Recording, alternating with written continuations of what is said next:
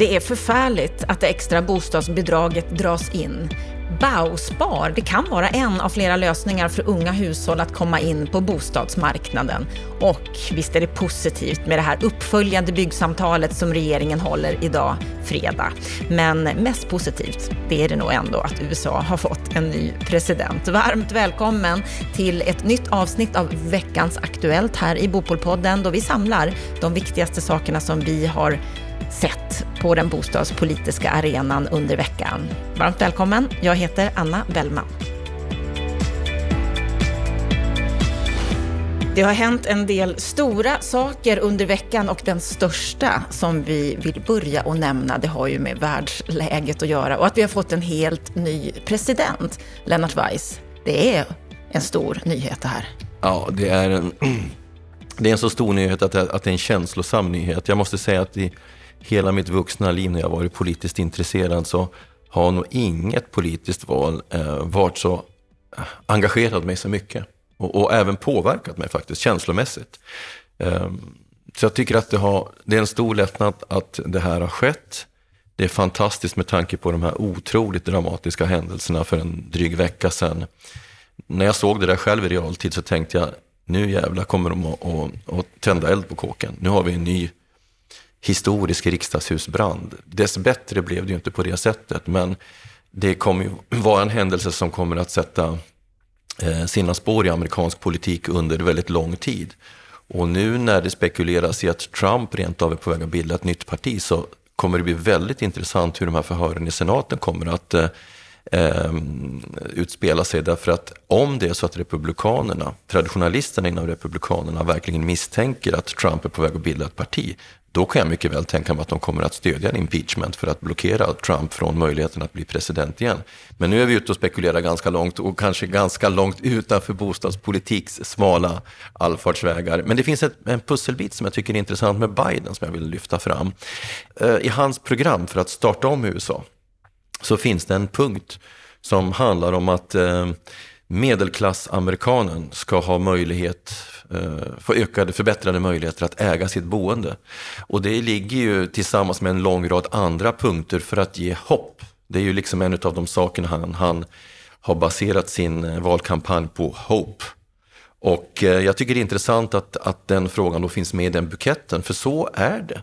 Alltså människors möjligheter att förverkliga sin bostadsdröm, att äga sin bostad, det är en livsdröm över hela världen. Och att USAs president tar upp det på agendan, det kan, jag, kan man väl eh, på något vis skicka ett litet memento till svenska politiker också. Bostadsfrågan, möjligheten att äga din egen bostad, är en stor livsdröm. Integrera den i det stora politiska programmet. Det är ett tips och ett råd och en rekommendation och, och ett förbannat krav. Ja. Och det är ju någonting som vi har pratat mycket om och kommer fortsätta att prata mycket om. Och när det gäller de nyheter, de svenska nyheter som vi har att ta upp den här veckan så är det ju framförallt en som riktar sig mycket mot det. Och det är ju att Ola Johansson, som är bostadspolitisk talesperson för Centerpartiet, han slår ett slag för det han kallar för Bauspara. Vad är det han vill ha här? Ja, det där bygger ju på de tyska bosparkassornas sparmodell. Eh, jag har själv träffat eh, ambassadören för den här tanken, Frank Kars, eh, flera gånger. En mycket hängiven förespråkare. Han är själv engagerad i en av de tyska barsparkassorna. Det är ju en idé som går tillbaka till långt före kriget och som bygger på att du sparar först under en, ett antal år till i förväg fastställda villkor. Och om du säger vi sparar tio år och bygger upp ett visst kapital, då kan du sedan låna motsvarande till en i förväg stipulerad ränta. Man kan säga att det är en sorts variant, fast mycket mer avancerad variant och mer kraftfull variant än den svenska banken JAK, Jord, arbete, kapital, då, som bygger på i princip eh, eh lån utan, eh, utan eh, kapitalränta. Eh, det, och JAK har ju aldrig lyft för att de har inte de här underliggande mekanismerna som Bausparkassorna har. Jag tycker personligen att, att idén är intressant.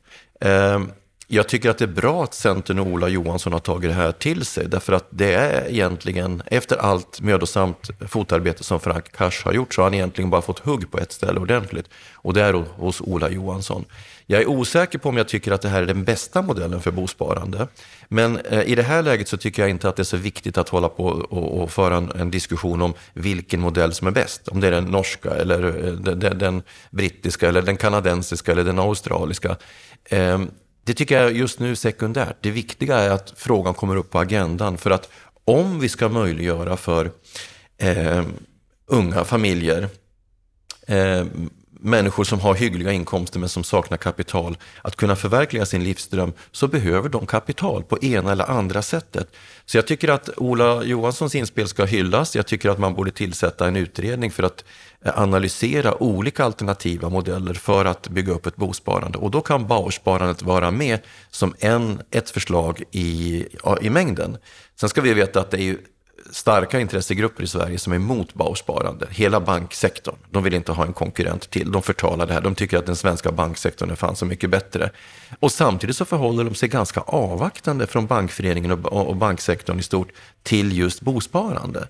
Eh, då tycker de liksom att generella sparformer är att rekommendera. Varför då? Jo, därför att det gynnar banken det är bra för banken att liksom folk gör insättningar. Men jag tror att om, om sparandet generellt sett hos hushållen ska öka för, för den här typen av ändamål, då är bosparande bra. I någon allmän mening så har vi inget underskott på sparande i Sverige. Det, problemet är bara att det är fel grupper som sparar. En, en undran här, vi pratar ju mycket om det här med bosparande, att, att vi kikar på olika exempel som vi borde ta efter och så vidare.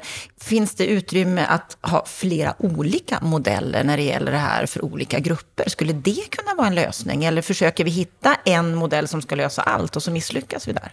Ja, det där är en intressant och bra frågeställning, därför att liksom Bausparandet till sin karaktär drivs ju av Bausparkassorna, som är någon sorts eh, halvkooperativa kassor. Va? Eh, och det är klart att skulle vi få en sån struktur i Sverige, det skulle vi kunna få bara de får ett, ett banktillstånd. Eh, då skulle ju det kunna vara en privat aktör som så att säga driver det här på ungefär samma sätt som de kooperativa sparkassorna i Sverige har drivit bosparandet historiskt. Problemet är ju bara att om det ska bli attraktivt så behövs det någon typ av stimulans i det hela. Speciellt för grupper som har det ekonomiskt knapert. Och då är vi inne på att politiken måste hjälpa till. Och det som är poängen med den norska modellen, det är ju att det till del är ett skattesubventionerat sparande. Så att en del av det du sparar kan du dra av utav din deklarerade inkomst och på det sättet så minskar du din inkomst. Det vill säga du gör det mer attraktivt att spara. Och jag tror att den typen av kombo behövs. Men det är definitivt bra med en mångfald olika sparformer. Jag tycker nog själv att skulle man införa ett bosparande så bör man vara öppen för att subventionera olika typer av sparformer. Det kan ju också vara ett medskick då till våra politiker. Absolut, det, det är ett bra medskick.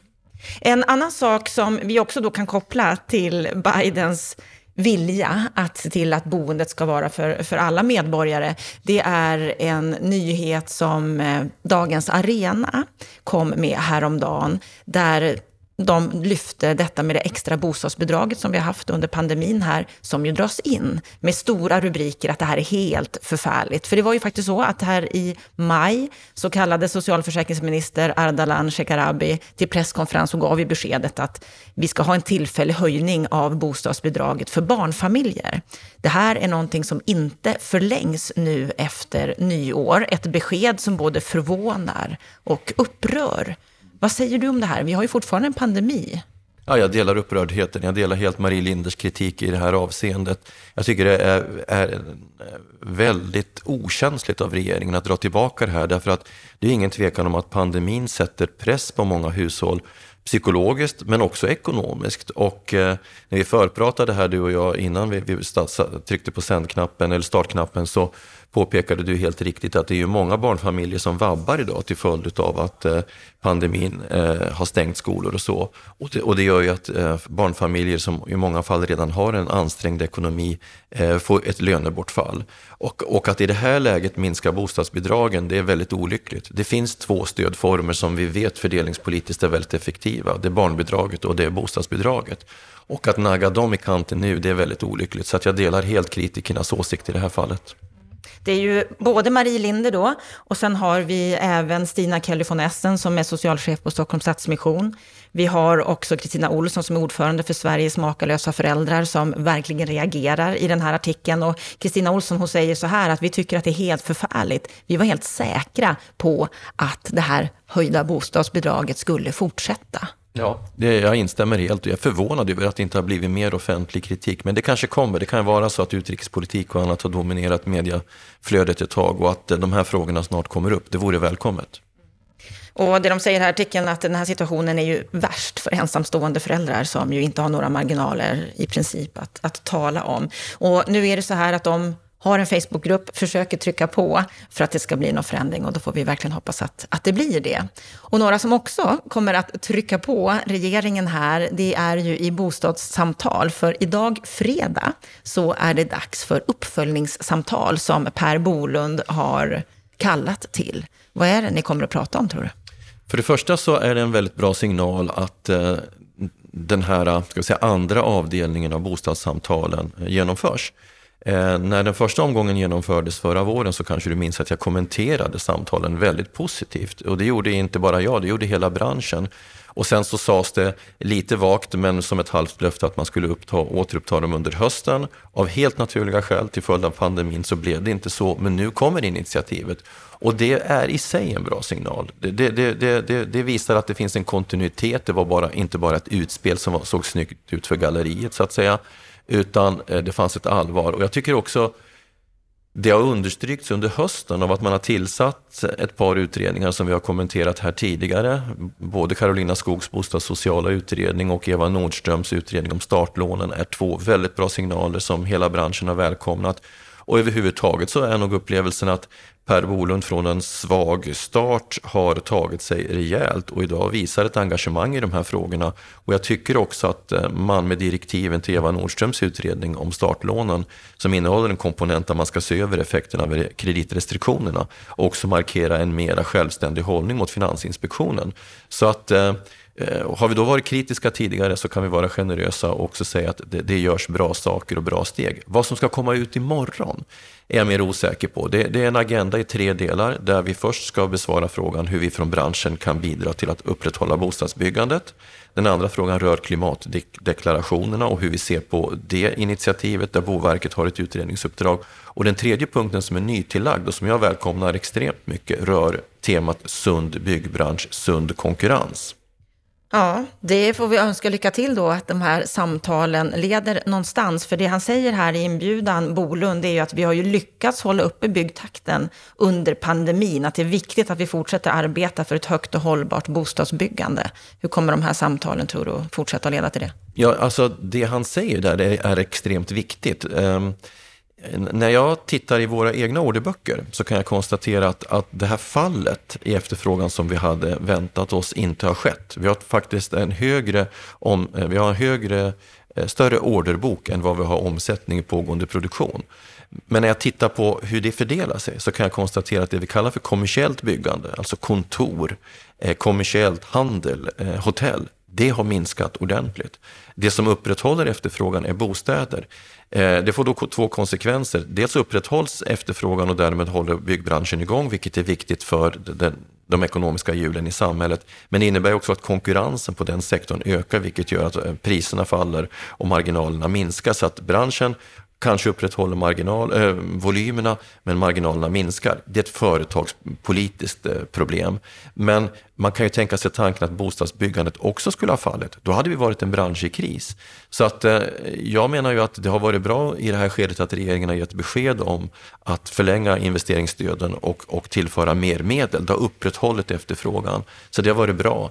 Eh, sen behöver man ju bara fundera på, på efter pandeminfasen därför att eh, eh, om det blir fler tjänsteföretag så kommer det, oavsett vad vi tror om pandemins långsiktiga effekter i termer av beteenden, behövas mer kontor. Och den typen av signaler är viktiga för att efterfrågan i byggsektorn ska upprätthållas. Så att när vi pratar om sambandet byggsektor, sysselsättning, ekonomisk utveckling så är det inte bara bostäderna man ska titta på, även om bostäderna är extremt viktiga på många sätt i samhällsekonomin.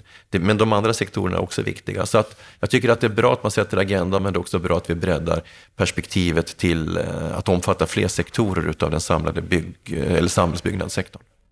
Mm, vi har ju all anledning att få lyssna in vad du kommer att eh, samtala med regeringen om när det gäller de här sakerna, du och många fler. Ja, och vi får se vad som kommer ut imorgon. Om jag tycker att det är något spännande så kanske jag skriver en kommentar på bostadspolitik.se sent på fredag eller lördag. Vi får väl se vad som kommer ut. Och då har vi avslöjat att det här Veckans Aktuellt spelas in på en torsdag, sänds fredag morgon. Så när du hör det här, då är det ju samma dag som samtalen sker. Mm, vi får återkomma till det. Stort tack för den här veckan, Lennart Weiss. Tack till dig som har lyssnat till oss på Bopolpodden. Med detta så önskar vi dig en riktigt trevlig helg.